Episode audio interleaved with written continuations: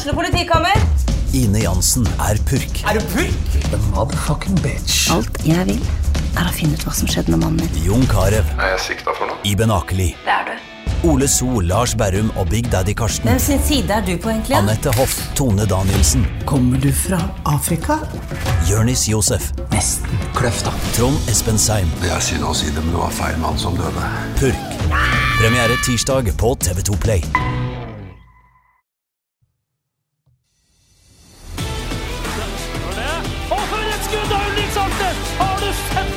Maken, Ulrik Saltnes? Da er det skåring, og så skårer Bodø-Glimt.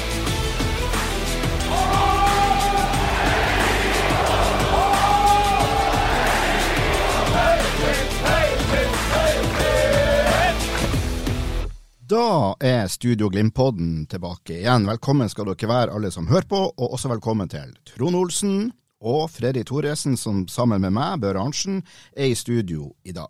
Dagens tema, først skal vi snakke litt om cupen. Så skal vi selvfølgelig snakke mye om seriekampen mot Viking på mandag, hvor vi også får rapport fra en tidligere Glimt-spiller som nå bor i Stavanger. Og vi må selvsagt også snakke litt om eh, ståa generelt. Er dere klare, gutter? Det er vi. Da er det skåring, og så skårer Bodø-Glimt. Først, eh, Trond, hva eh, fikk du ut av cupkampen mot Mosjøen i går kveld? Ja. Ma- Mange som fikk eh, spilletid. Um, Fikk med seg et godt resultat. 3-0, komfortabel seier. Eh, Ikke noe kjempekamp. Eh, Jeg syns Mosjøen var, var dristig. De torde å sette i gang tidlig og rive opp litt tempo i kampen. og ja, øh, var heldig som kanskje ikke ble straffa før de øh, slapp inn mål, men øh, vil gi veldig mye ros til, til Mosjøen for, øh, for den motstanden de, de ga. For ja, jeg syns de de var ganske ok i går. Og det, det er artig å se at de tør å være med, og de tør å, å prøve å spille fotball. Og så er det jo klart at du, du møter et fryktelig godt øh, Glimt-lag. Mm. Tror, du det, tror du det er noen andre lag som Glimt skal møte som kommer til å merke seg det, at, at Mosjøen holdt så lenge, og ser litt på den kampen? Ja, det, kommer jo litt an på hvilket lag også Glimt eh, stiller med fremover eh, i, i cupen. Og, og, og, og alle dem som spilte i går, de, eh, de er nødt til å ta vare på mulighetene og eh, levere gode prestasjoner når de, når de endelig slipper til. Og så er det jo klart at den er, den er litt vanskelig, den banen å spille på. Det er ikke, det er ikke som å være på Aspmyra, der du får det tempoet. det, det er mye humping og spretting, og gjør, gjør det litt verre enn det du er vant til. Så, så den skal ha litt av skylda. Så eh, ja, eh, syns jeg det er hyggelig å se Mats Pedersen komme inn og eh, tørre å by på seg sjøl. Jeg syns han eh, gjorde bedre, eller mer ut av seg enn en f.eks. Jeppe Kjær, som starta kampen og spilte såpass mye, og så kommer eh, Mats Pedersen inn og, og virkelig tør å by på seg sjøl, og du ser at det er mye fotball i han. Så, så han håper jeg virkelig får eh, mye, mye mer tillit eh, og blir satsa på mer enn det han blir til nå. Freddy, det var flere spillere som fikk sin eh, debut i en offisiell A-lagskamp for Glimt i går. og Er det noen du vil trekke frem? Nei, ikke av de som eh, Jeg er enig med han Trond eh, at Mats Pedersen var spennende å se. Og jeg skulle ha ønska at han hadde fått litt mer spilletid enn det han fikk. Eh, trenerne så at eh, sånn etter 68, 69, 70 minutter så begynte de å, å, få, å skulle da hørtes det ut som at Lukas Kuber og Mats Pedersen skulle inn, og de torde ikke å sette dem inn før Nino Sugell satte inn 3-0-målet. Så jeg skulle ønske at Mats Pedersen fikk eh, prøve seg litt mer. og så går- ikke sant, At Magnus Brøndbo får lov å spille fra det 89. minutt. Og at uh, Magnus Fagervik Antonsen får sin debut på høyre back i det 89. minutt. Det går jo ikke an å bedømme. De så fint ut i gult, eh, i hvert fall høyrebacken. Og Magnus Brøndbo kledde den oransje keeperdrakten, det er vel det vi kan si. Så har jeg mer utbytte av å se Magnus Brøndbo på Glimt trening enn de få minuttene mot Mosjøen. Et lag Glimt 2 for øvrig spiller mot i tredjedivisjon. Så der var det ikke så mye å, å hente. Alexander van der Spa er jo lillebroren til Andreas van der Spa, eh, som eh, var kaptein i fjor for Sogndal i Obos-ligaen, og er en bodøværing som har reist rundt og, og spilt en del fotball på Altså tatt en litt annen vei. Han har vært innom Arendal i andredivisjon og, og er nå i Sogndal, som sagt. Og er nå i siste del av sesongen endelig tilbake etter ei tøff oppkjøring med mye skader. Så er han på banen for Sogndal. Og det her er jo da lillebroren som jeg har hørt en del om. og Ser jo at det er mye fotball i han. Han er ung og, og er en type spillende Glimt-midtstopper, men veien opp og frem hvis du har lyst å spille med de store gutta eh, fra start i Eliteserien, så har også, selv om han er ung og talentfull, så har han jo en vei å gå. Men det er artig å se han i lag med Marius Lode. Og det jeg syns var artig, var måten det virker på meg som at Marius Lode og de litt etablerte spillerne tar seg av ungguttene. Syns det gir de en high five og gratulerer nærmest der og da med at de får debuten. Og gir dem den tryggheten som jeg tror de trenger, selv om motstanderen burde være kjent for dem. Ja, men sånn skal det jo være. Altså, det er jo de rutinerte guttene som skal ta vare på dem og, og sørge for at de uh, finner seg fort til rette og er komfortable ute på banen og tør å by på seg sjøl. Så det, det, er helt rett, eh, Freddy. De, de, de, rutinerte er nødt til å ta det ansvaret for å hjelpe frem de, unge. Og så skulle jeg selvfølgelig ønske at uh, Mats Pedersen fikk uh, 45 minutter, sånn at han fikk vise seg frem litt lenger og ja han er en eh, nordnorsk spiller som eh, har et veldig fint potensial. Så um, vi som er født og opp, oppvokst der oppe i nord, vi, vi ønsker jo at eh, de her spillerne skal, skal, få lov til å uh, blomstre og, og, og, få minutter. Og da, Han er fra Skjervøy? Ja, det er jo nabobygda mi. Men, men, men igjen så er det litt sånn heller det enn at vi henter inn en dansk unggutt. Så um, ja. Um, jeg håper at vi får frem eh, flere lokale og nordnorske. Er de gode nok, så, så, så håper jeg at vi, vi tar vare på dem. Hva har det å si eh, for en spiller, eh, en ung gutt, å få det minuttet? Du sier det er ikke mye, man kan ikke vurdere en spiller, Freddy, men, men er, det, er det allikevel noe Ok, da har jeg i alle fall debuten i boks. Jeg har fått, altså, det, Er det en lettelse, eller er det egentlig bare Nei, det minuttet der og da er veldig stort for, ja, dem. Altså, det, det, det, skal vi ikke. du skal ikke undervurdere det minuttet for, for de spillerne det gjelder. Det, er veldig stort å få debutere for ja. A-laget til Glimt. Ja, og det husker man jo sjøl òg fra man var, var, på den alderen. og man fikk eh, ett minutt her og ett minutt der, det var jo, det var jo julaften og nyttårsaften og bursdag på, på en og samme gang. Så det, det, er klart at det skal du ikke eh, kimse ut av. Eh, men når du møter de her motstanderne som du har såpass bra kontroll på Ja, du så Mosjøen etter, ja, etter 2-0, så, så hadde Glimt mer eller mindre full kontroll på det. Selv om du slipper til et par muligheter. Men jeg tror ikke du har blitt noe dårligere hvis du har satt inn på et par av ungguttene tidligere og latt dem eh, få lov til å være der. For du vet at de vil være ute på banen. Du vet at de kommer inn med energi, og de kommer til å gjøre alt for å vise seg frem på en god måte. Nei, Det som Trond har helt rett at det er klart for de som fikk, eh, de to som kom inn i det 89. minuttet, betyr jækla mye mer for dem enn en, det er lett for oss å sette og vurdere innsatsen deres i de minuttene de fikk. Det er stor stas. Og, og, eh, og, det er artig. Og forhåpentligvis er det noe som er med å gi dem litt sånn motivasjon inn i treningshverdagen de står i vanligvis, da. Og så, som sagt, Mats Pedersen er en spennende type. Jeg vet at en del av de etablerte på A-laget syns han har mye fint i seg. Han har energi i spillet, han er blitt mer fotrapp og, og eh, og er en liten En sånn typisk prototypen på en indreløpertype i Bodø-Glimt som man liker. Og han er ung, og han er lokal. Han har slitt. Det kan være en av grunnene til at han fikk litt mindre spilletid enn vi, enn vi ønska. Han har slitt litt, vært litt plaga med et kne, sa han til meg i uka inn mot denne kampen. Derfor har ikke jeg fått sett han på trening så mye.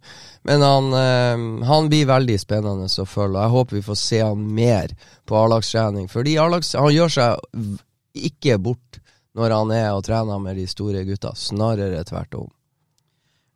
Glimt er iallfall nå komfortabelt videre i uh, cupen, i motsetning til f.eks. Sandefjord.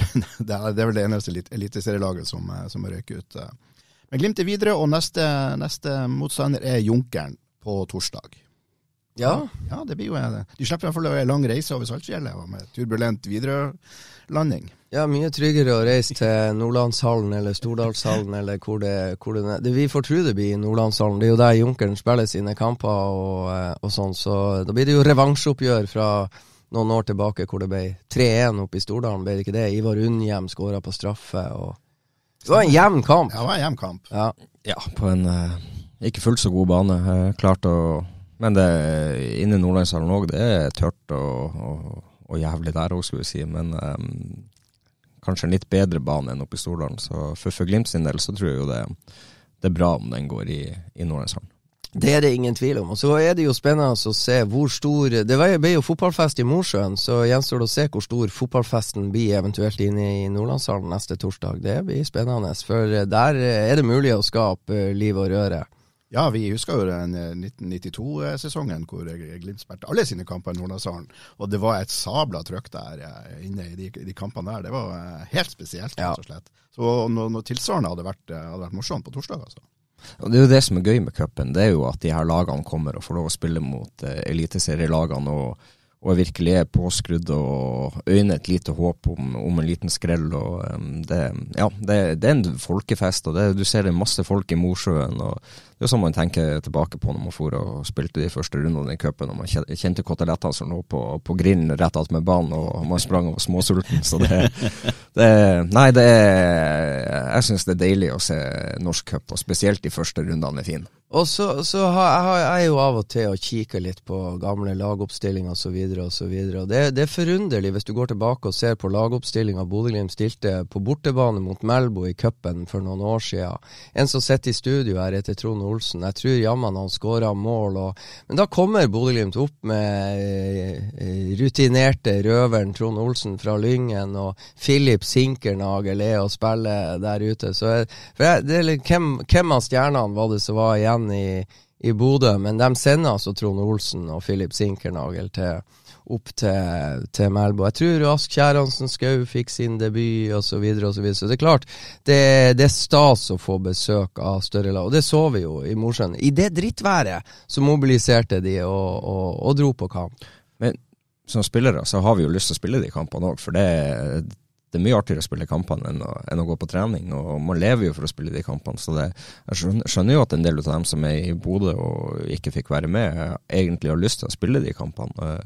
Og så er det jo det at du, du må jo ta et annet hensyn i dag enn du kan ta for sju, åtte, ni år siden. Da, da, hadde du halvparten av de kampene Glimt har i dag. så eh, nå må du tenke på å spare spillere og hente inn og ja, ta ned belastninga der du kan. Eh, for ja, fem-åtte år siden så, eh, så, hadde det ikke noen betydning, for du, du hadde 30 pluss 6 kamper, 7 kamper maks, og det, det, var det. Så eh, ja, eh, jeg tenker jo at den forskjellen på det, og, og ikke minst den bredda og, og, og, størrelsen på starten til Glimt, det er jo helt annerledes nå enn da. Ja. Og så er det skåring! Og så skårer Bodø-Glimt! Da sier vi oss ferdig med cupkampen mot Mosjøen i denne podkasten, og vender nå oppmerksomheten mot det som skal skje på Aspmyra førstkommende mandag, nemlig seriekampen mellom nummer én og to på tabellen akkurat nå, Bodø-Glimt og Viking. For å hjelpe oss litt med å se denne kampen også med perspektiv Stavanger, har vi fått med ingen ringere enn selveste Ed Meby. Velkommen skal du være. Takk skal du ha, Børre. Eh, noen av våre lyttere vil helt sikkert dra kjensel på navnet ditt, Ed, men av hensyn til den litt yngre garde av Glimt-nerder, må vi nesten komme med litt informasjon om deg og din Glimt-historie. For du er jo opprinnelig Bodø-gutt, og du spilte deg inn i avstanden til Bodø-Glimt i den første skikkelig store Glimt-perioden i slutten av 70-tallet, starten på 80-tallet, stemmer ikke det? Det er korrekt. Kan, kan, du si litt om hvordan det var å komme inn som junior eller ung spiller i Glimt med Harald Dutte Berg, Terje Mørkve, Arne Hansen og resten av den legendariske gjengen der? Ja, det kan jeg. Altså, eh, jeg vokste opp eh, rett i, i Hernesveen, eh, rett i nærheten av Aspmyra stadion. Og lenge før jeg ble spiller, så var jeg jo Glimt-fan og gikk på Glimt-kamper. Og sto på lastebilplanen i Bankgata og så Glimt sine kamper på skole gress og sneik oss inn på Aspmyra eh, under gjerdet eh, og forbi han Oppsal eh, på Glimt-kamp. Og satt de der og så på han Terje Jensen eh, gjennomførte eh, flygende taklinger. Der han tok både mann og ball og, eh, og, og, alt som var. Så det er på en måte det er, det er minner fra, fra, fra barndommen. Og det er klart at det var jo, det var jo stort Altså, jeg gikk jo fra Grand og vokste opp der med Ole Marius Strand og, gatefotball og den biten der. Uh, og så gikk jeg til Glimt for å se om jeg kunne ta et, et nivå høyere opp. Og Glimt var jo allerede da begynt å gjøre det veldig veldig bra. Uh, og de hadde den gjengen med spillere som du refererte der i, i stedet. Og det er klart, Vi hadde et ganske bra juniorlag da, på denne tida. Gode spillere. Gøran og Tom Mørkve og Lars Andersen. og Sånne folk som eldre folk vil huske. Um, men spranget derfra eh, til seniorfotball var, var eh, enormt. Og ingenting på juniornivå som måtte forberede oss på det. Verken eh, fysisk grunnlag eller taktisk kunnskap eller det du på en måte trenger for å ta, for å ta steget. Så det var, det var fryktelig tungt. Eh, veldig gøy, selvfølgelig, men, men eh, altså den fysiske treninga der Eh, den var såpass tøff. Jeg tror ikke jeg kom til meg sjøl for langt ut på høsten i 77 for, eh, på grunn av all den treninga som jeg hadde i kroppen. Det var bare helt, helt enormt. altså. Hvem var det du, Hvilken plass på banen var det du ønska å, å, få, hvis du skulle tenke på å få lov til å spille kamper? for? Nei, altså på, det, på, den tida var jo jeg angrepsspiller, og det var det jeg alltid hadde vært. Eh, kanskje ikke eh, noe tankspiss. Jeg likte mer den eh, tenkende eh, sida med, med fotballen. Det, det, taktiske og det, det og Jeg var, var like glad i å servere pasning som, som, å skåre de, de målene. Jeg spilte jo med Per Inge Karlsen i Gran, og han var jo som målhund. Han, han, var jo, han følte seg helt mislykket hvis han ikke skåra 50 mål i en, i en, i en sesong. Men jeg likte, jeg likte bedre den andre, den andre delen av spillet. Så det var ikke noe Jeg spilte vel kun spill på kantene og spill i midten, alt etter, alt etter hva. Men jeg skåra vel ikke mye mål i Glimt heller. Nei. Men det var, det var, tøft å komme inn i betraktning, vil jeg tro, de, de årene der når Glimt på, var på sitt beste og gjorde det så godt. Var du utålmodig? Ja, ja. Naturligvis. Altså, det er beste, et av landets beste lag med noen av landets beste spillere og den beste spilleren i norsk fotball noensinne, som liksom eh, trekker over igjen. Så ja, selvfølgelig var det tøft. og det, det, var, det var, jo ingen grunn til å tro at vi skulle kunne ta det, det steget med, med, med, den gjengen der. Men, eh, men, eh, men som sagt, eh, dette var jo i amatøridrettens tid. Eh, Glimt hadde fremsynte ledere og fantastiske spillere. men klubben som sådan var ikke veldig rigga for å drive toppidrett. Sånn at det som i dag er helt naturlig, måten du, måten du bygger opp en talentutvikling på, måten du sørger for at det er en overgang mellom, mellom juniorlag og, og seniorlag, eh, den var ikke til stede. Du ble på en måte slengt utpå, og flaut du, så flaut du. Og eh, gjorde du det ikke, så måtte bare finne noe, eh, noe annet. Det var veldig lærerikt. Men mange peker jo på uh, det der med å ta uh, å la unge spillere få sjansen som en av tabbene Glimt gjorde i den tida der, da, det etter hvert litt ut på 80-tallet begynte å gå skikkelig nedover igjen. Så, så, peker man ofte på at man var ikke flink nok til å ta vare på disse talentene, som, som deg og, de, og de andre du nevnte. Er du litt enig i den kritikken? Eh, både og. Det, det, altså, på den ene sida så har du, Hvis du har en, en Arne Hansen og så, er, så, så har du et par juniorer. Hvem er det du vil spille med da? Jo, du spiller selvfølgelig med Arne Hansen. Eh, og, og, og samme var det på en rekke plasser eh, der, der, det bare var, eh, var knalltøff konkurranse. Og det å få til den utfasinga av et lag som begynner å bli eldre, det det, det er det, som er komplisert. Det ser vi jo, ser vi jo på, på toppidrett eh, nå. Altså, det er ikke enkelt.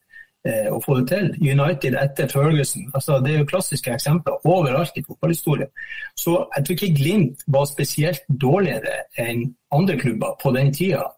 Det var bare det at bortsett fra Arnfinn Helgesen, eh, som var et kjempetalent, og kom inn, eh, så kan ikke jeg komme på mange andre som tok steget kjapt og etablerte seg.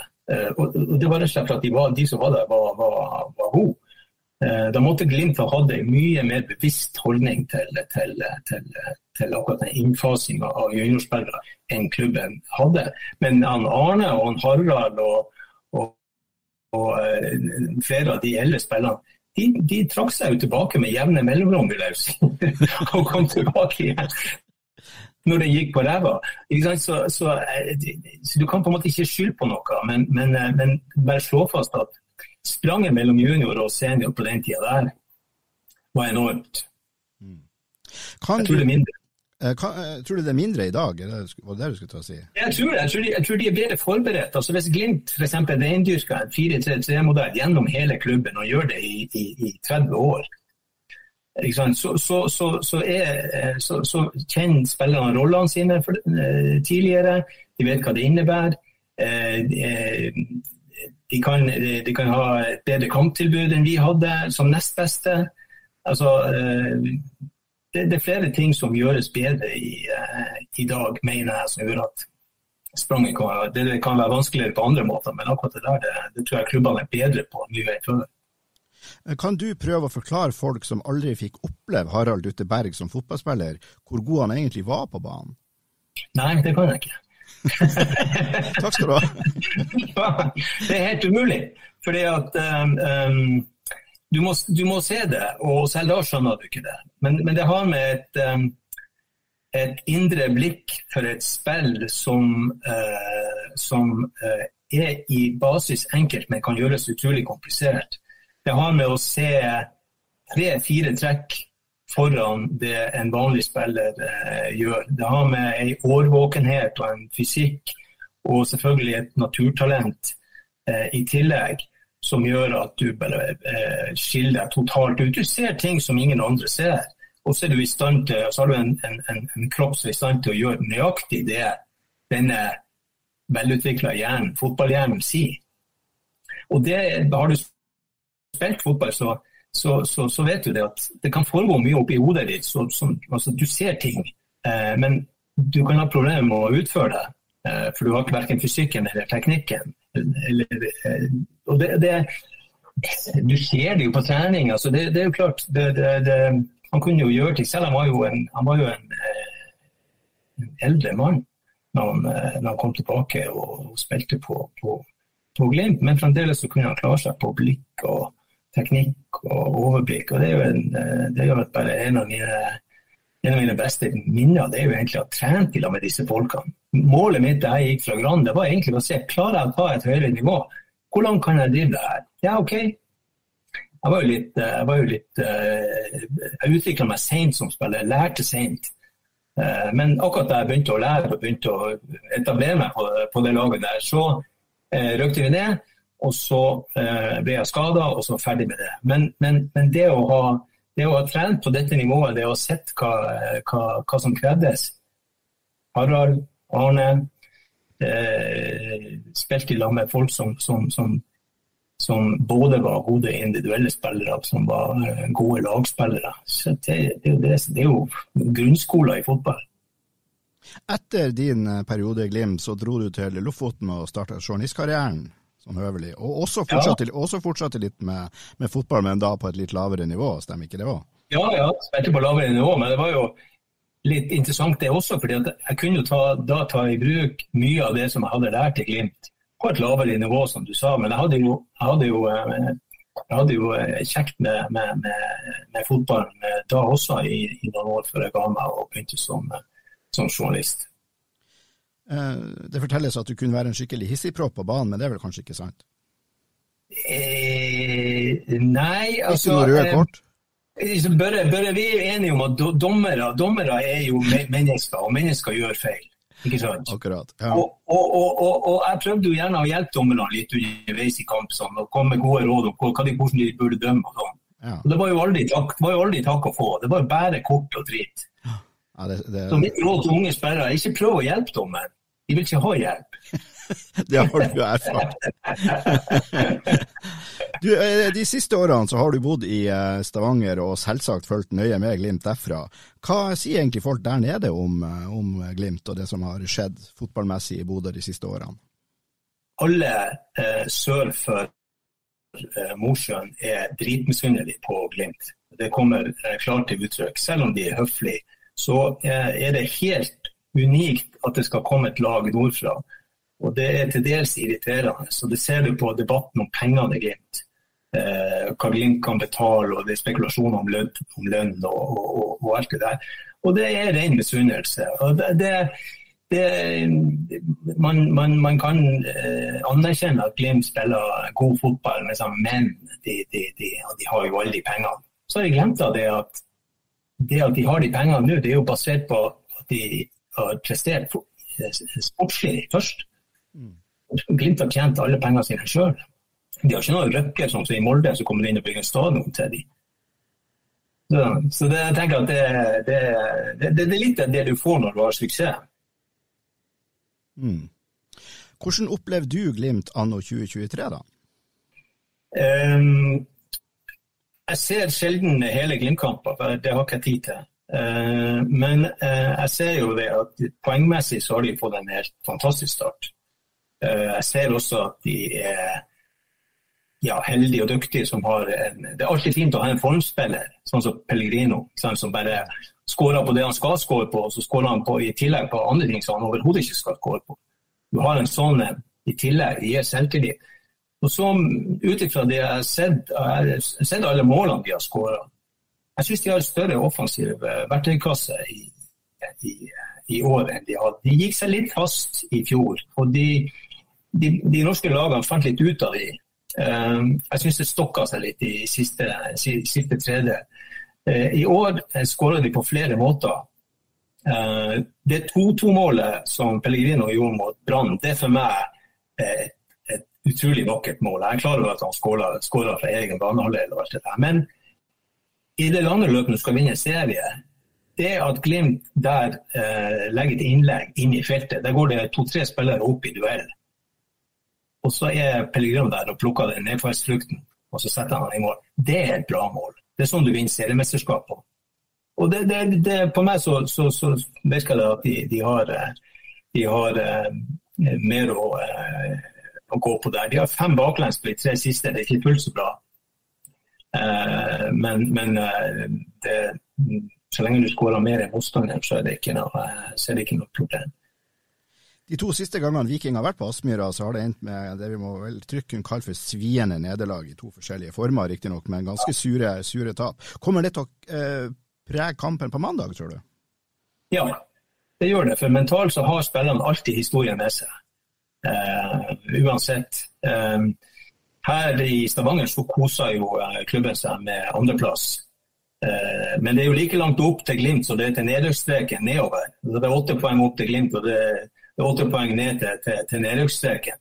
Så, så, jeg tror ikke de skal bli for, for uh, Jøysen. De, de leda serien til, til, 16. mai i fjor og uh, eh, avslutta uh, grusomt. Så de, de, nyter vel øyeblikket litt, og så tror jeg de er realistiske i forhold til hva de kan oppnå i, i Bodø. Var det, litt, var det litt sånn i fjor da de leda serien, da snakka, ble det jo snakka, i hvert fall i, i Stavanger Aftenblad og, og flere blad, ble det jo snakka om gull, rett og slett? Ja, altså det er jo det med denne byen. Et av de største problemene med å være vikingspiller, det er jo historien. Eh, altså de, de, de, blir målt opp mot målestok, målestokker som, som, er helt urealistiske. Eh, det har vært et kjempeproblem eh, lenge, sånn som så, sånn jeg ser den klubben eh, utenfra. Men, men, eh, men, det er klart, eh, når Glimt gjør det så godt som de gjør det, og alle forventer at kanskje andre topplag, eh, Lillestrøm, Molde, skal komme i siget, Rosenborg komme i siget, så tror ikke jeg at jeg vil bli veldig overraska om Viking ligger der de ligger når, når, når seriegullet skal deles ut, sølvet.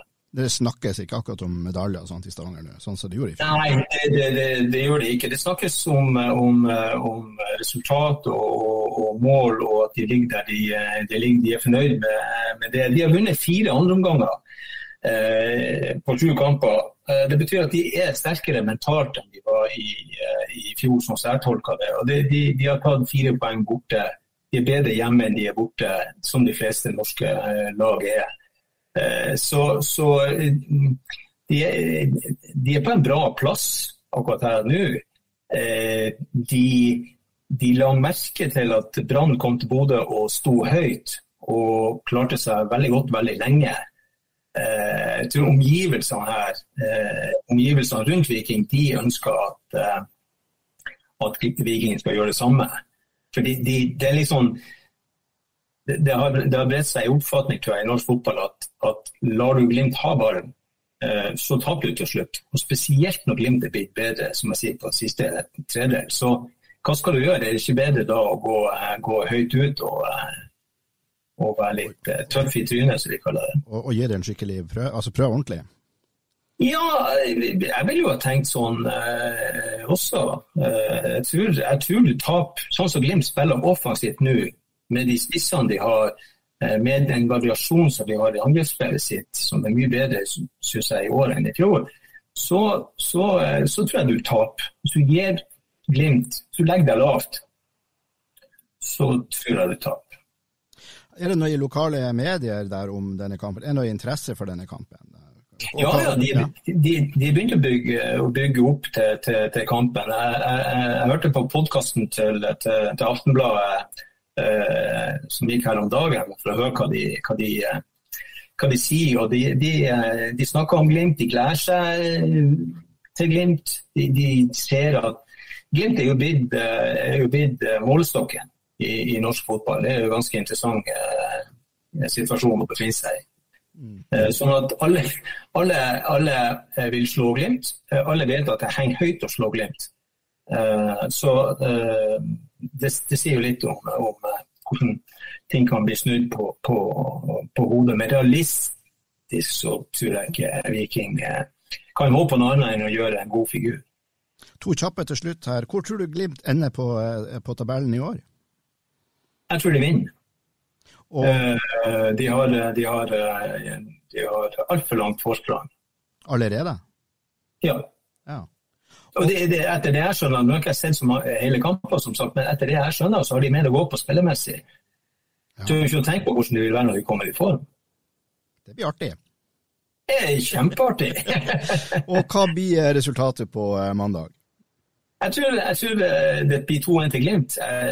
Jeg ser for meg, jeg ser de slipper inn mål, og Viking kan skåre et mål. og Salvesen kan kanskje endelig få seg et mål, og hva vet jeg. Men, men jeg, tror, jeg tror Glimt vinner. Og for et skudd av Ulrik Saltnes! Har du sett på baken, Ulrik Saltnes?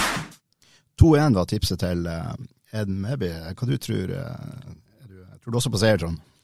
Ja, jeg tror jo Glimt vinner hjemme, og det blir, uh, det blir nok noen flere skåringer enn 2-1, tror jeg. Så 5-3. Ok. Som i cupen. 5-3 var ikke 5-2, da? Ja, det var 5-3 i køen. Ja, 5-3, gitt. Ja, 5-2 denne gangen, da. Greit. Juster, juster litt. Just. Så det er jo 5-3 og 5-4 de to siste. Ja, jeg blir forvirra, altså. Jeg sliter med å ta, meg, ta inn over meg at han Trond Olsen nå er legende på Værøy, men altså, nå snakka vi for Det er ikke lenge siden vi satt her, og tidligere Rosenborg-spiller Trond Olsen, og tidligere Glimt-spiller Trond Olsen. Du er pinadø tidligere Viking-spiller òg. Du har vært og herja i Stavanger. Ja, det har vært litt her og litt der. Eh? Steike ta. Altså. Hvordan tror du mentaliteten er der, da, foran denne, denne kampen? Hvordan jeg tror de har lært noe siden i fjor i forhold til uh, forventningene og hvor de lå til ja, på denne tida i fjor, og hvordan det gikk etter det. Så uh, de har nok forventning om å fære opp hit og ta, ta et poeng, eh, og kanskje ta med seg tre. Det, det bør du jo ha som, som lag. og så vet de at det blir en tøff kamp. Du kan ikke gi Glimt lillefingeren. Da tar de hele handa. Så det, det, blir nok en, eh, en tøff kamp for, for, begge lag. Eh, men jeg tror nok Glimt er litt for god enda for, for at Viking skal klare å ta med seg noe herifra. Ser du også det sånn, Freddy? Ja, altså Viking er et godt lag. Og eh, hvis eh, Viking har tatt lærdom av det de gjorde i fjor, så tror jeg faktisk at de har potensialet i den gruppa der til å være med og kjempe om medaljene. Litt, jeg er litt mer positiv til de enn eh, vår venn Ed Meby er i utgangspunktet. For de har et veldig bra midtforsvar. Eh, to rutinerte røvere, bra midtforsvar. Eh, det er rutine. Eh, keeperen er ikke all verden, han er ustabil.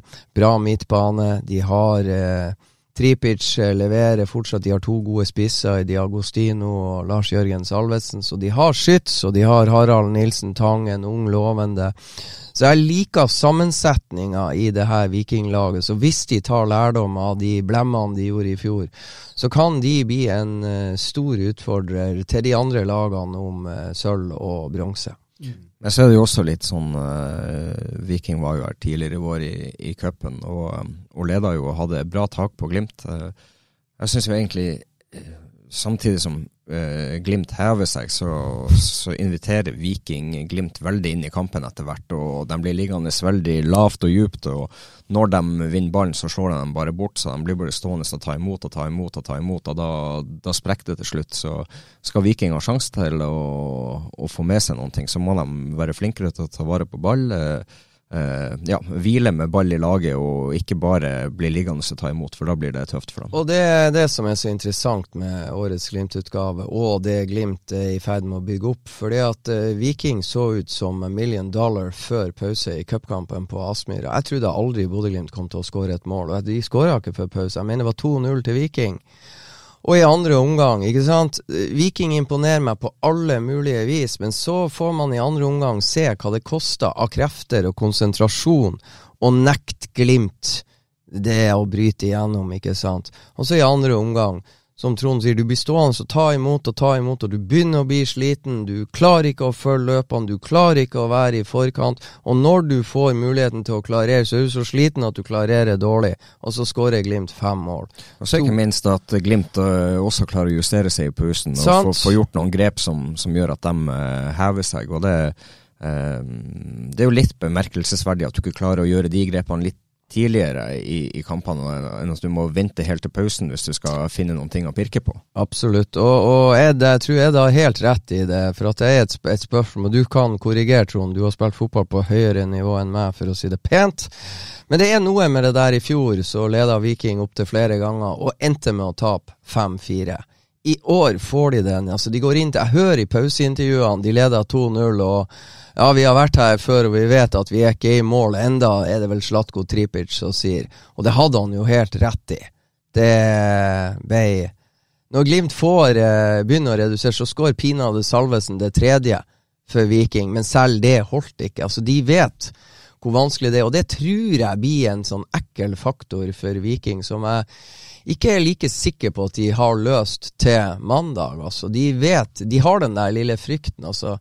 De har leda med to mål i de to siste kampene, og det var ikke nok. De vet at de er nødt til å lede med tre mål for å ha en sjanse, og det, det, er en kjip følelse, tror jeg. Ja, det er jo det mentale som spiller inn der, at du, du får den eh, frykten for å vinne større enn eh, evnen til å tape, ikke sant. Så det eh, Nei, Viking er nødt til å, å heve seg på, på alle måter fra 45 og ut, eh, hvis du ser på cupkampen. Ja. Um, og så er jo Glimt uh, nødt til å heve det defensive sitt, eh, for det har vi jo sett i, i kampene i, i, vår at det er enda en liten tendens til at du, du slipper inn litt for enkle mål. og du, ja, det, det, det, er noen ting der som ikke er like trygt, like uh, stengt som ja, før. Du har, du har helt rett, og jeg vil Vi har ikke snakka så mye om Rosenborg-Bodø-Glimt, og vi har ikke snakka så mye om Tromsø-Bodø-Glimt, men, eh, men uh, Rosenborg utligner til 1-1, og det er et oppspill til Joel Mbuka halvveis inn på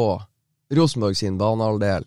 Joel har full kontroll, han blir litt sånn eplekjekk, og så kommer Edvard Takseth og rapper ballen. Joel vil ha frispark, ikke sant? Det er ikke i nærheten å være frispark.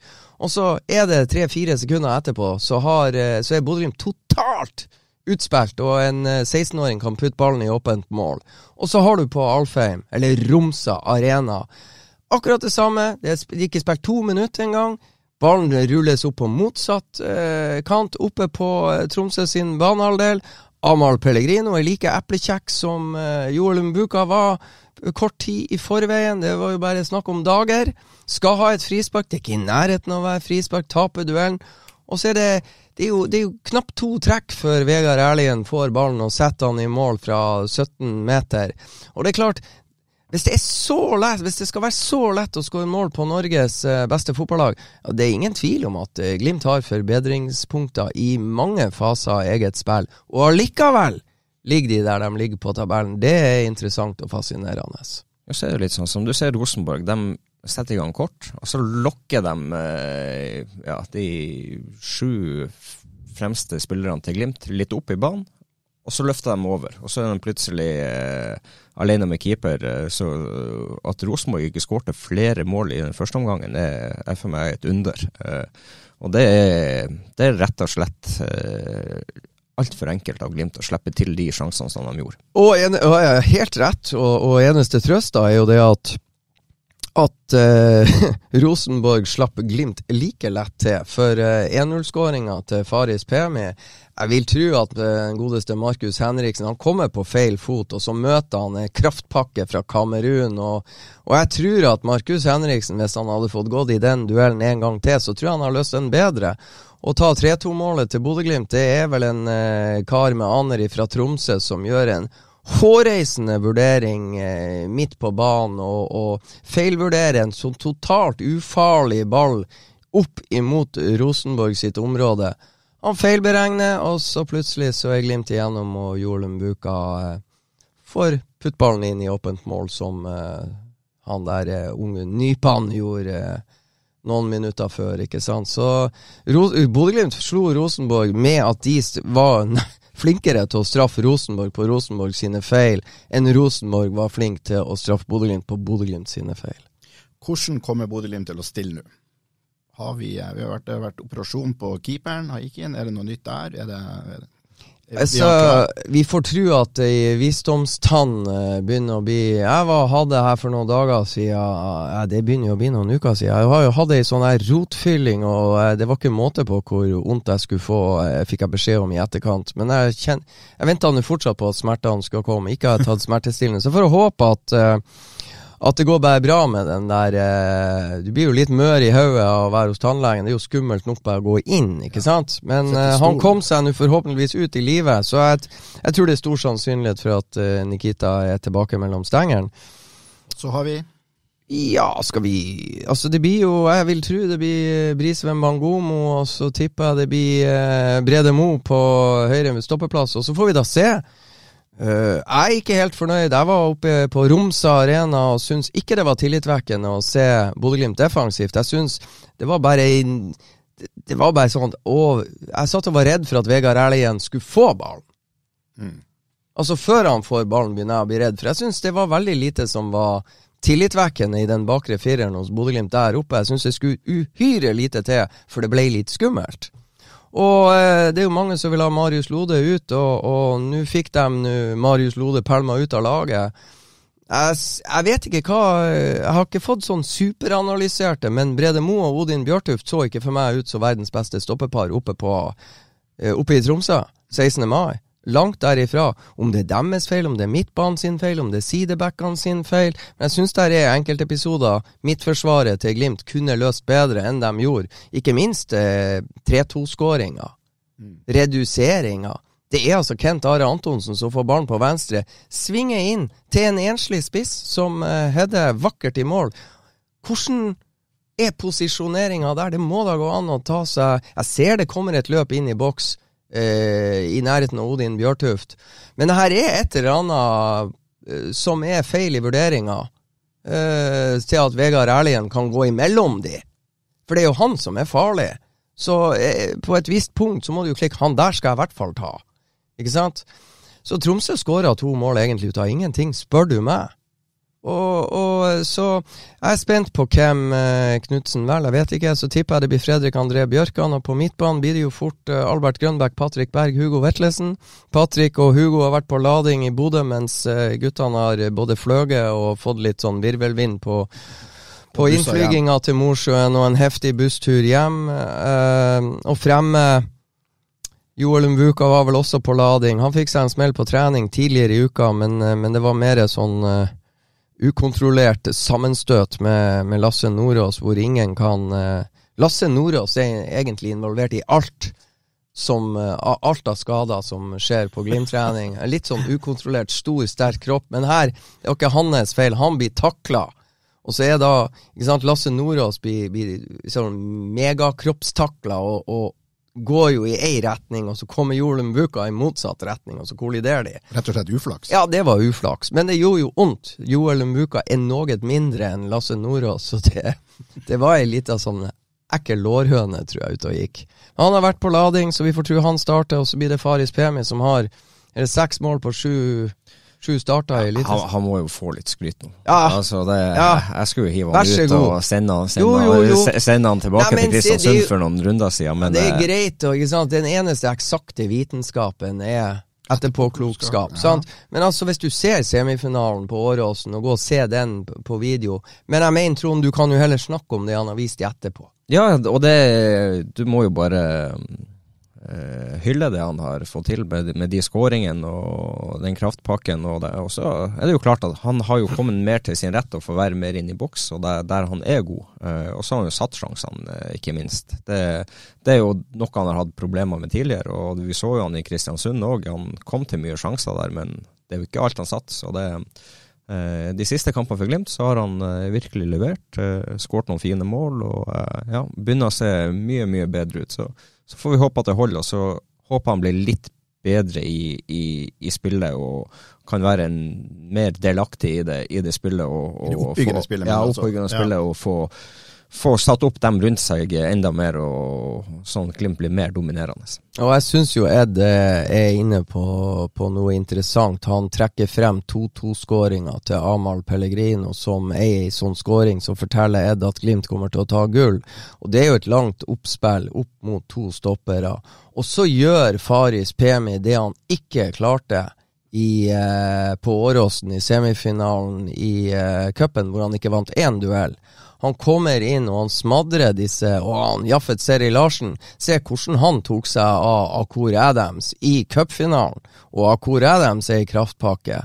Men eh, på Aspmyra, i duellen som førte til at Faris Pemi styrte ballen ned til Amahl Pellegrino, som smekka inn 2-2, måten han vinner den duellen på, er enorm. Og er uh, godt observert av Ed å trekke frem den skåringa. For det er ei skåring som kommer ut av ingenting, når du minst trenger det. Og de skåringene er gull verd. Uh, og så er det jo da om evnen hans nå uh, til å Altså, flott satt mot Rosenborg, kommer plutselig alene med keeper. Eh, Markus Henriksen ser jo ut som en småguttespiller i den duellen der. Pemi setter en forbi en relativt god keeper, og de to skåringene oppe i Tromsø de er ikke ferdigskåra, for å si det pent. Der er en tidligere Kristiansund-kompis, Kristoff Søykø, som har fått eh, ros og det hold oppe i Tromsø for hvor god han er, men han eh, klarte ikke å stå unna, eller ta unna sin gamle KBK-kompis. Og han laga også straffe i duell med sin gamle KBK-kompis. Så han, han begynner å bli en handfull. Og så er det det som er litt artig å se på trening nå.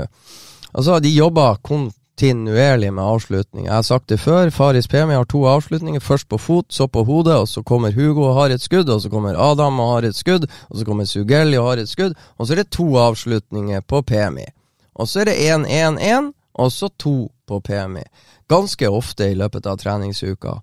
Men måten han nå begynner å, å røkke seg forbi fra stopperne og klare å legge igjen til medspillere i spill på storbane, på litt mindre bane, på én touch.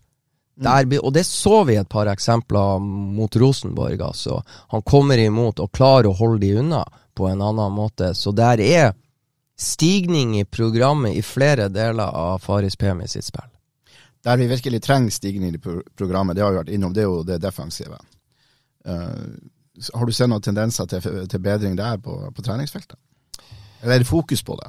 Ja, der er noen De driver og justerer og jobber med, med hvordan kantspillerne i Bodø-Glimt skal presse, hvor de skal lede motstanderen, hvordan de skal stå vinkla, hvilken arbeidsvei de har opp til å få starta dette låsepresset som midtbanen da skal følge på.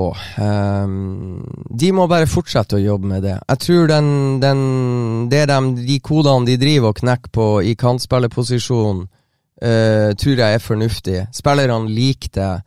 Uh, Joel Mbuka har kraft og moral til å gjøre det riktig. Amahl Pellegrino sliter litt mer, men han har andre X-faktorer i sitt spill som gjør at eh, det er smart å ha han på banen. Men han er den som løser dette, den delen av spillet dårligst. Men da mener jeg, da må bare Glimt-trenerne og lagkompisene finne ut hvordan vi lapper. For Glimt har hatt kantspillere før som ikke har tatt det der defensive, men de har funnet ut av det. Jeg peka ikke på Trond Olsen i studio. Jeg følte at det var det du gjorde. Ja, det var det jeg gjorde. Jeg, kan- jeg kan gi deg et langt, langt sammendrag, så kan vi se hvem som har flest retur, returløp.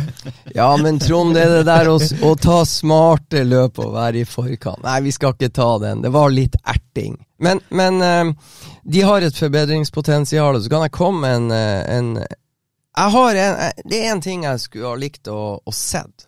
Jeg vet at Albert Grønbæk er fantastisk. Jeg vet at Hugo Vetlesen er fantastisk.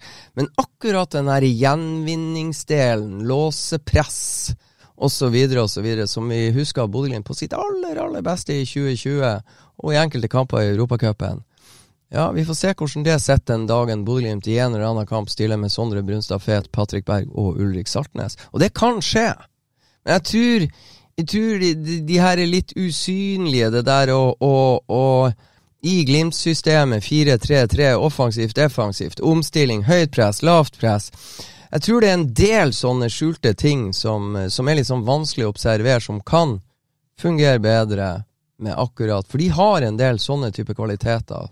Men vi skal skifte tema hvis ikke dere har noe mer å si om eh, kampen, altså foran kampen uh, Bodø-Glimt-Viking. Vi er spent, og vi gleder oss.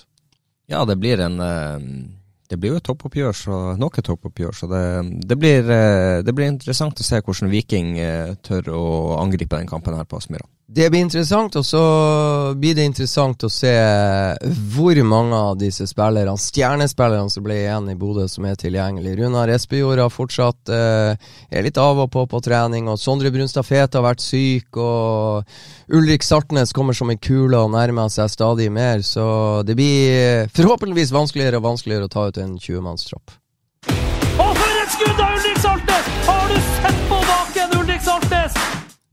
Det har vært en periode nå eh, uten seriekamper ganske lenge. eh, og du, men du har går ut fra fulgt med på trening, Freddy, og vært der og sett. Og, ja. Er det noe å rapportere? Nei, vi har vel vært det. Vi har vel vært litt, eh, litt inne på det. Det, det var litt Jeg snakka med Sondre Brunstad i- på torsdag, faktisk på kampdag. og det, når jeg får han på telefon, så er det jo ikke noe Han klarer jo ikke å skjule at han har en litt sånn rusk, rusk i halsen. Så eh, vi får håpe at uh, han uh, får ridd av seg det som har uh, plaga han inn mot kamp. Men ellers, det, det som er spennende å se, det er Ulrik Saltnes og Ask Kjæransen Skau som trener mer og mer og hardere og hardere, og det er noe så innåt hvor de jobber nå for å Og den belastninga de påfører seg sjøl, det Nei, det begynner å nærme seg, så, så eh, jeg skulle ha ønska det, det som Så de blir å komme, begge to, ganske snart. Det er ikke sikkert de trenger dem, men eh, det er jo fint at eh, spillere som har vært ute lenge, vender tilbake. Og så er det nå et lite spørsmålstegn med, med Runar Espejord sin kropp, som Runar har vel egentlig vært tilgjengelig og i sånn høvelig form i én kamp. Det var i cupkampen mot Viking. Det begynner å bli ei stund sia. Da skårer han to mål. Han har X-faktor, han òg, men eh, det er ikke sikkert han har den X-faktoren når han er skadefri. Han må også spille seg inn i fotballform. Så jeg skulle ha ønska at eh, Runar Espejord hadde vært nærmere den formen han var i fjor høst, enn det han er nå. Og vi begynner å nærme oss juni, så det er jo et halvår og én kamp. Ja, så har du jo neste i forhold til uh, Joel Muka, som du vet forsvinner om ikke så fryktelig mange kamper, og den eh, som skal inn og ta, overta den posisjonen, og hvor mye matching eh, den spilleren får. Så det, det er jo et spørsmålstegn hvem de tenker rett inn i, i, i den posisjonen òg. Ja, og eh, der skal du få eh, mitt svar. Jeg vil ha Nino Sugell. Han viste det. Han viste hva han har eh, i seg som innbytter mot eh, Viking i cupen. Eh, jeg holder han som eh, har litt mer X-faktor eh, enn Sondre Sørli, så det er Sondre Sørli er bedre på høyre ving enn han er på venstre ving. Nino Sugelli er bedre på høyre ving enn han er på venstre ving. Det blir litt det der Ola Solbakken var venstreving lenge, og så fikk Bodø-Glimt plutselig en ny spiller når han ble flytta over til høyre. Ikke sant? Mm. Jeg tror det er ingen tvil. Nino Sugelli og Sondre Sørli er begge to best på høyre ving. Joel drar.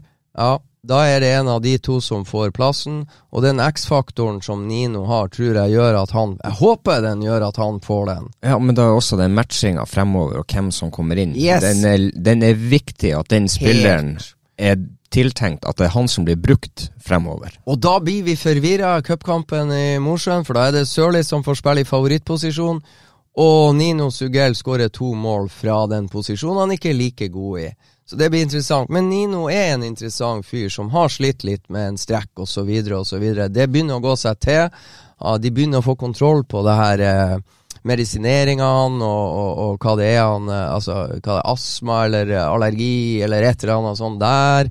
Så, men han ser Han er artig å se på trening. Eh. For alt vi vet, så har Glimt vært ute og kjøpt en ny ving i sommer, og så er det Emil Konradsen Seide som er her. Man vet jo aldri. Man vet aldri, og det vi kan garantere, det er jo det at uh, Glimt uh, følger godt med i farvannet over De har midler, de har muligheter, og er det en god case å komme på bordet, så kan eh, Glimt slå til. Og så er det ikke lenge til vi må begynne å spekulere om hvem er det som legger inn bud på Hugo Vetlesen og andre, og det er bare å helle kaldt vann i årene til Glimt-fansen. Jeg er stygt redd for at de budene kommer til å komme, og da blir spørsmålet når kommer de, hvem kommer de fra, og hvor høye er de? Eh, Joel Mjuka, er det sånn at han eh, er Glimt-spiller ut juni? Joel sier sjøl at siste Glimt-kamp er eh, på bortebane i serien mot Strømsgodset i Drammen. Og så er det en cupkamp en dag eller to eller tre etter den seriekampen mot Strømsgodset. Men det han kan garantere, siste seriekamp er borte mot Strømsgodset. Så kan det hende at han skal være med i den cupkampen. Så drar han til Frankrike og melder seg til sesongoppkjøring med Lorient 3. juli mener jeg. Ja. Ok, vi skal snart begynne å, begynne å rulle opp. Og, men du har bedt om ordet, Fredrik. Ja, men, det- vi må dvele litt. Trond, du viste meg jo eh, eh, noe Jeg syns vi skal nevne det du hadde eh, Bare for å ikke Jeg, jeg syns du skal nevne det du hadde lest. Jeg syns jo ikke det var så sympatisk, det jeg leste der. Jeg vet ikke hvor du fant det, men det var i avis. Ja da, nei, det var bare i forhold til cupkampen og Og festen i Mosjøen. Ja, og, og litt sånn som eh, oppførselen til, til enkelte er, der du du, du, du roper en del ting til Marcus og Martinus som eh, Ja. eh, Du viste nå egentlig til en artikkel i VG Ja. som, hvor det står om at Glimt-supportere har vært litt uh, ufine i kjeften, rett og slett, mot Ja. Marcus og Martinus. Er det ja. det vi snakker om? Ja, det er det vi snakker om. Og ja, eh, jeg tenker jo egentlig at uh, de der tingene kan man holde seg litt for god for. Uh, ja, man, man trenger ikke å, å nevne alle de tingene som blir, som blir sagt. Eh, det, det, det er to, to fine gutter som, som bare har lyst til å spille fotball og bruke all sin fritid på, på å være med på det, og så så skal man prøve å sette dem ut med, med å rope stygge ting. Det, det kan man holde seg for god til. Det blir jo nesten like pinlig. Jeg leste en sak i Avisa Nordland om noen TIL-fans som har hengt opp noen stickers på eh, toaletter rundt om sør med noen nazigreier og Glimt, og, og eh, folk reagerer. Og, men det som ropes fra altså, Ja, men vi, vi kan snu på det. Ja, det er helt greit at jeg drar til Tromsø og blir kalt det ene og det andre, fordi at jeg har vært ute og meldt i forkant av de kampene. Jeg har Ja. vært ute og, Ja. og, og hevet bensin på bålet, og jeg har vært ute og, og, og bygd opp litt under det. At jeg får litt ting tilbake der. Det skal jeg tåle, og at jeg svarer dem, det må de tåle. Ja. Men du trenger ikke å ja, Nei, eh, det- være, væ- være stygg mot, eh, mot de to som, som, som ja, eh, får opp, oppfylt en guttedrøm og spiller mot Glimt i cupen. Og da, mm, da syns jeg vi, vi skal heve oss over det, og så skal vi heller hylle dem for at de eh, er to av Norges største artister, og samtidig har lyst til å være med kompisgjengen sin og spille fotball, og, og få lov til å spille mot Norges beste fotballag òg. Vi er godt vant med, med veldig flotte supportere eh, i Glimt, og eh, akkurat det der erklærer vi bare egentlig som en liten flau, flau episode. Vi håper de har indrejustis nok til å forhindre at sånne her ting skjer flere ganger, rett og slett. Ja. ja. Og så var det jeg, da, og mine tekniske kunnskaper, altså um, uh, Nei, altså, det var, det var jo um, Jeg får prøve å, å, bla her. Jeg mener jo jeg hadde gjort alt etter boka. Men jeg ble jo gjort oppmerksom på noe av, av uh, min fru, som følger godt med i timen. Um, hvis jeg nå bare finner det her, må du begynne å hun sender altfor mye meldinger til meg. Jeg er vel på feil eh, Altså har hun sendt på Nei, det, det var et oppspill i, i uh, bladet Nidaros uh, foran uh, cupkamp Nei, foran seriekampen mot Bodø-Glimt. Uh, ja. En kommentar. Ja. Fra selveste redaktøren i Nidaros, som er fra Finnsnes og har jobba i Tromsø. Og én ting er nå Glimt-fansen som tabba seg Altså fraksjoner av Glimt-fansen som tabba seg ut uh, i Mosjøen. Men når du da setter på tror Jeg mener at når du som redaktør er og skriver på redaktørplass, altså kommentar, så tenker jeg jeg har litt forventninger. Jeg må bare si det. La oss få stappet den gule tannbørsten en viss plass. Den smilende kjeften til Halvdan Sivertsen fortjener også en ullsokk. De oppblåste Bodø-egoene må ned på jorda igjen sporenstreks, og arbeidet starter i dag. Blasser litt om at Conference League er noe forbanna tøv sammenligna med det Rosenborg har gjort. Dette er jo det, litt av det han Ed var innom tidligere. Dette ja. er jo den misunnelsen ja. som, som, vi opplever nå eh, i nesten uansett hvor vi snur oss, og Glimt er involvert. Ja. Der Eggen i sin tid bygde et lag hele Europa fryktet, har Kjetil Knutsen hovedsakelig gjort seg bemerket ved å knuffe på en hjelpetrener i spillertunnelene.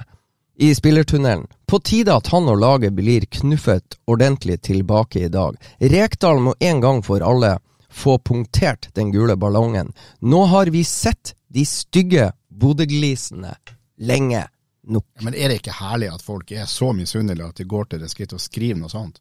Det er jo, det er jo uh, La nå fyren få lov til å uh, Ja, jeg spør. Ja. Jeg spør. Ja, det er jo bare Altså, han bare avslører seg sjøl, det er jo ikke Jeg bare spør. Vil du ha svar? ja, så jeg tror jo jeg tror jo knapt Trond Olsen på eh, som, som eh, 16-åring hadde klart å skrive noe tåpeligere eh, i retning Tromsø på sin vei til Bodø og heltestatus på Aspmyra. Jeg blir bare sjokkert over at det går an å sette noe sånt på trykk. Jeg er enig, det er ikke bra, men allikevel, det er it's a part of the game, og det er jo den misunnelsen som vi har vært innom. Det er jo det, det, er jo det vi opplever. Og eh, og det er ytringsfrihet, og godt er det. Han må i hvert fall lov til å, eh, å, eh, skrive sånne ting, og i sin egen avis. Vi bør jo ikke ta det så veldig alvorlig.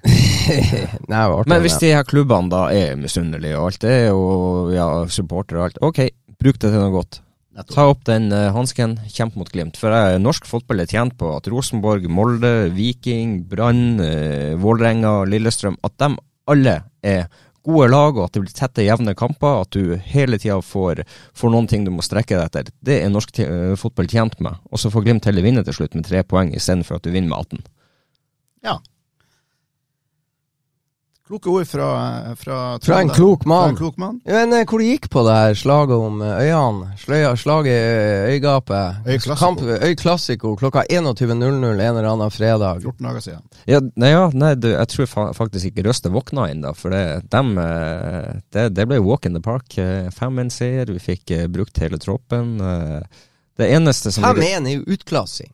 Ja da, det, det var meget kontrollert. Og uh, det eneste som irriterer meg, det er at vi hadde en gutt på 14 år som var millimeter unna å, å få sin første scoring. Uh, så Eh, kanskje bra at han ikke, Isak ikke, ikke fikk, fikk den skåringa, for da hadde han vel enda vært, å, vært å fløgge utfor Da er det bare å si bye bye den karrieren. ja, da, da, da, hadde, da, da, da hadde han hengt over det med Nato Som, på som på 14-åring på Værøy og score mot Røst, det går ikke.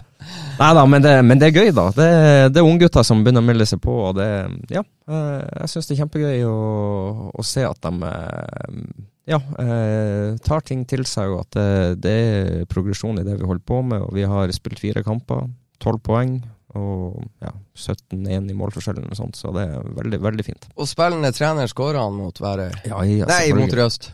Ikke mot Værøy, nei. Nei. det, det håper du ikke. Du skåra ikke Ja. selvmål. Nei, ikke denne gangen. Uh, men jo da, det ble et par, et par pinner, så det var, oi, oi. det var kjekt. Og for et skudd av Ulrik Saltnes! Har du sett på baken, Ulrik Saltnes? Det var det vi hadde i dag. Ny Studio Glimt-podkast kommer på tirsdag, og da håper jeg at vi kan snakke om nok en solid kamp og nye tre poeng i eh, banken. Takk til Trond, takk til Freddy, og størst takk til deg som hører på oss. Og for et skudd av Ulrik Saltnes! Har du sett på baken, Ulrik Saltnes? Da ser det skåring, og så skårer Bodø-Glimt.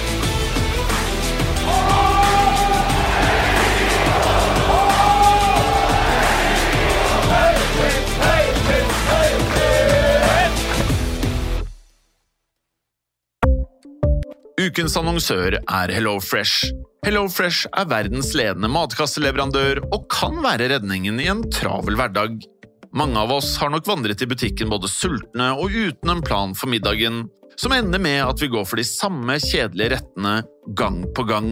Middag burde være dagens høydepunkt. Som HelloFresh kan du nå velge mellom 25 ulike retter hver eneste uke, eller få HelloFresh til å sette sammen menyen for deg. Dette gir deg muligheten til å prøve nye og spennende retter alene eller sammen med familien. Du velger antall porsjoner og får alt levert på døren på et tidspunkt som passer for deg. Oppskriftene er enkle, og maten er lett å lage både for store og for små.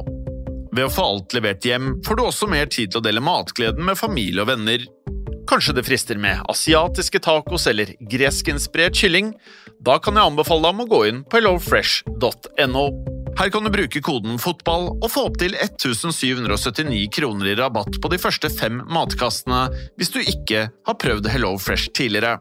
Du kan også bruke rabatten hvis du har vært kunde og stoppet abonnementet ditt for tolv måneder siden eller lengre. Gå inn på hellofresh.no og bruk koden FOTBALL. Har du et enkeltpersonforetak eller en liten bedrift? Da er du sikkert lei av å høre meg snakke om hvor enkelt det er med kvitteringer og bilag i fiken, så vi eh, gir oss her, vi. Fordi vi liker enkelt. Fiken superenkelt regnskap.